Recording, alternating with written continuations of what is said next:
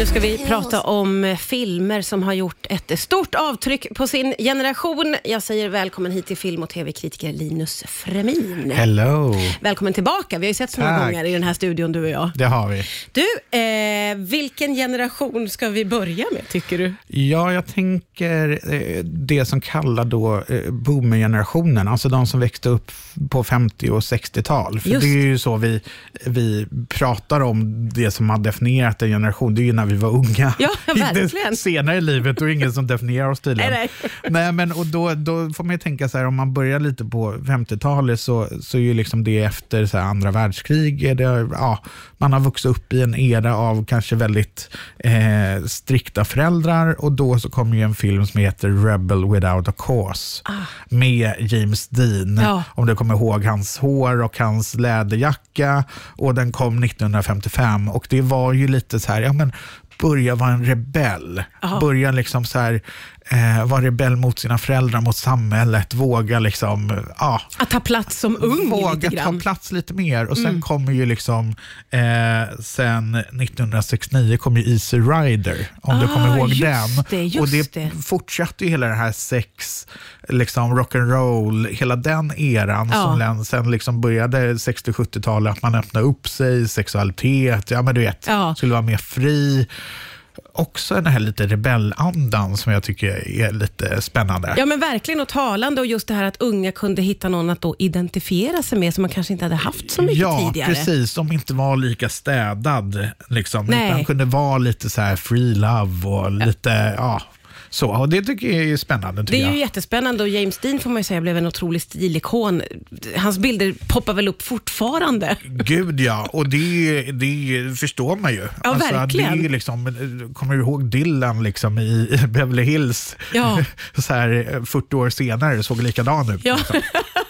Så det är spännande. Ja, så det skulle man ju säga definierar liksom den generationen. Definitivt. Sen om man då kommer till generation X, då, de som eh, var ungdomar under 70-talet, så eh, där så, så försökte de hitta lite saker att tro på.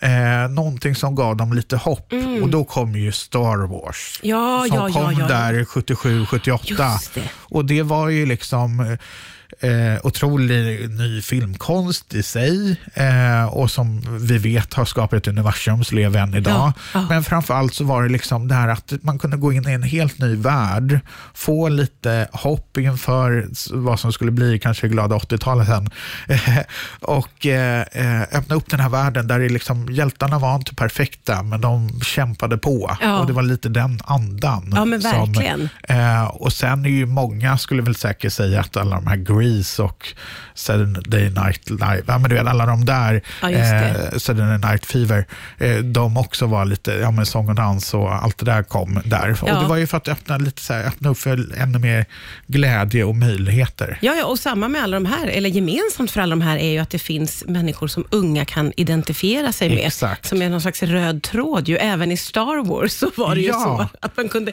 känna igen sig i de I olika. Chewbacca eller Yoda eller vilka man nu, beror ju på hur hur man är.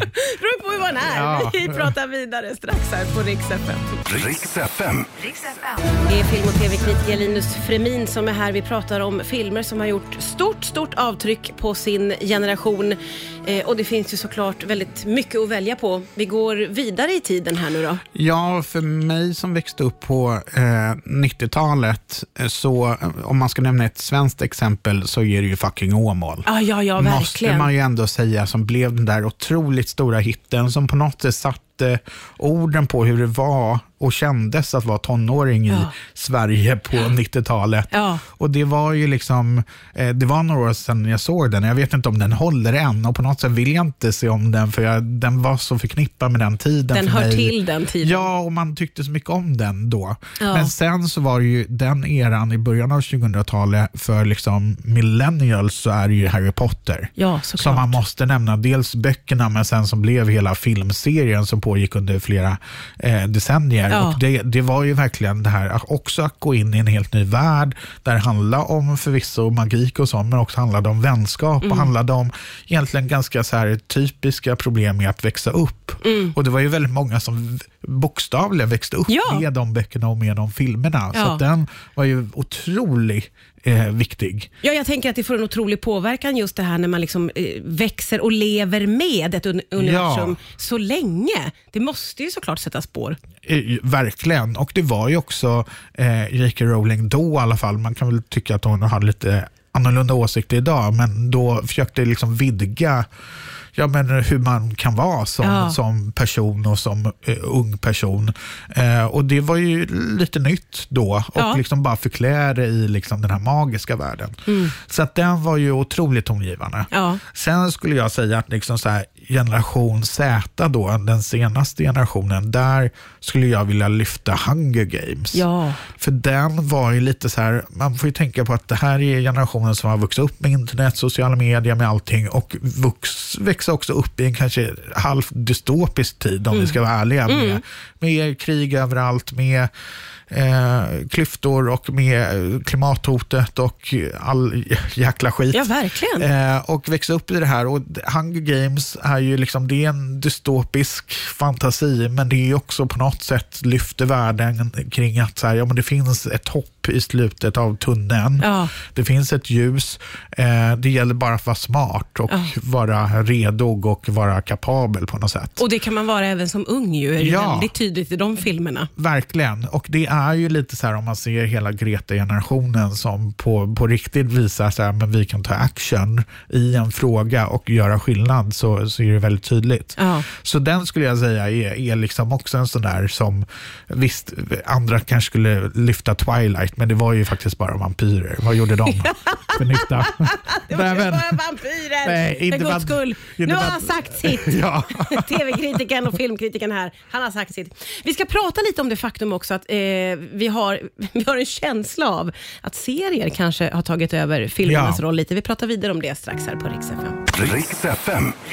Det är film och tv-kritiker Linus Fremin som är här. Vi pratar om filmer som har gjort ett stort avtryck på sin generation. Och när vi pratar med varandra nu så slår det mig ju väldigt mycket att eh, det som har gjort eh, stort intryck är ju sånt som har liksom funnits med länge, som Harry Ja. Potter och Star Wars och sånt som man kanske har levt med. Och Idag så är ju det egentligen serierna som har tagit över filmens roll, eller? Jo, men så är det. För att det, det, förutom liksom superhjältefilmer så, så är det ju väldigt få som blir filmserier. Alltså flera filmer där man kan liksom växa upp mer och speciellt i den här, liksom, vad ska man säga, mer riktad mot ungdomar. Ja. Eh, utan där är det ju serier som eh, sen liksom mitten av 90-talet har börjat ta den platsen också. Jag menar Vänner, Mm, ja. Friends, Ja, sen Sex and the City, sen Girls. Ja. Framförallt liksom kanske för unga kvinnor har Mm. definierat dem.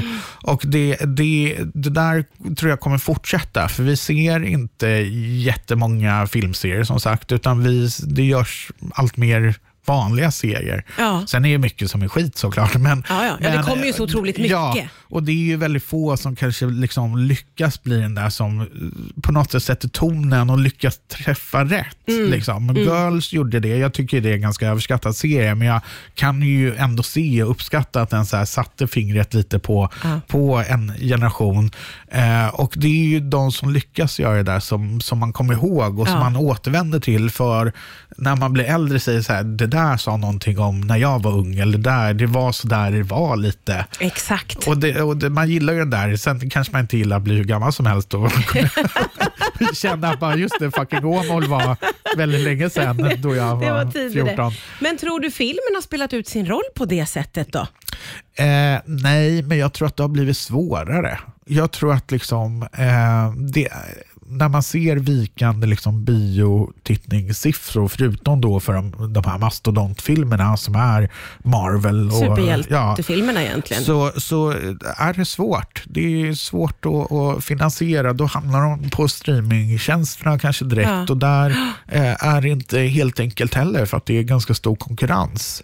Eh, och då måste man ju tänka liksom dagens unga generation har ju vuxit upp med streaming-eran som faktiskt inte alla vi har gjort. Nej. Utan den är ju egentligen bara 10-15 år gammal, den eran. Och, och om man har gjort det så är man ju otroligt picky, alltså det är man Ja, vill lägga sin tid på. Ja, och det ja. har vi alla blivit för att det finns så mycket. Så att det är svårare att nå genom bruset. För vi ska ju komma ihåg att det var ju lätt kanske för Star Wars att vara vad det var på den tiden. För det fanns inte så mycket tv och det gjordes extremt få filmer i den kalibern. Så det var ju otroligt mycket lättare på så sätt att kunna vara den där som stack ut. Som så att, nådde alla. Ja, så det har ju blivit svårare, hårdare konkurrens eh, och eh, lite tuffare publik tror jag. Så att, eh, vi- får, vi får komma tillbaka om tio år och se vad, Ja, vad som ja, var för ja, den här dagens hur? generation. Ja, då kommer det kanske vara något helt annat. Jätteroligt att du kom hit idag. Tack snälla Linus Fremin.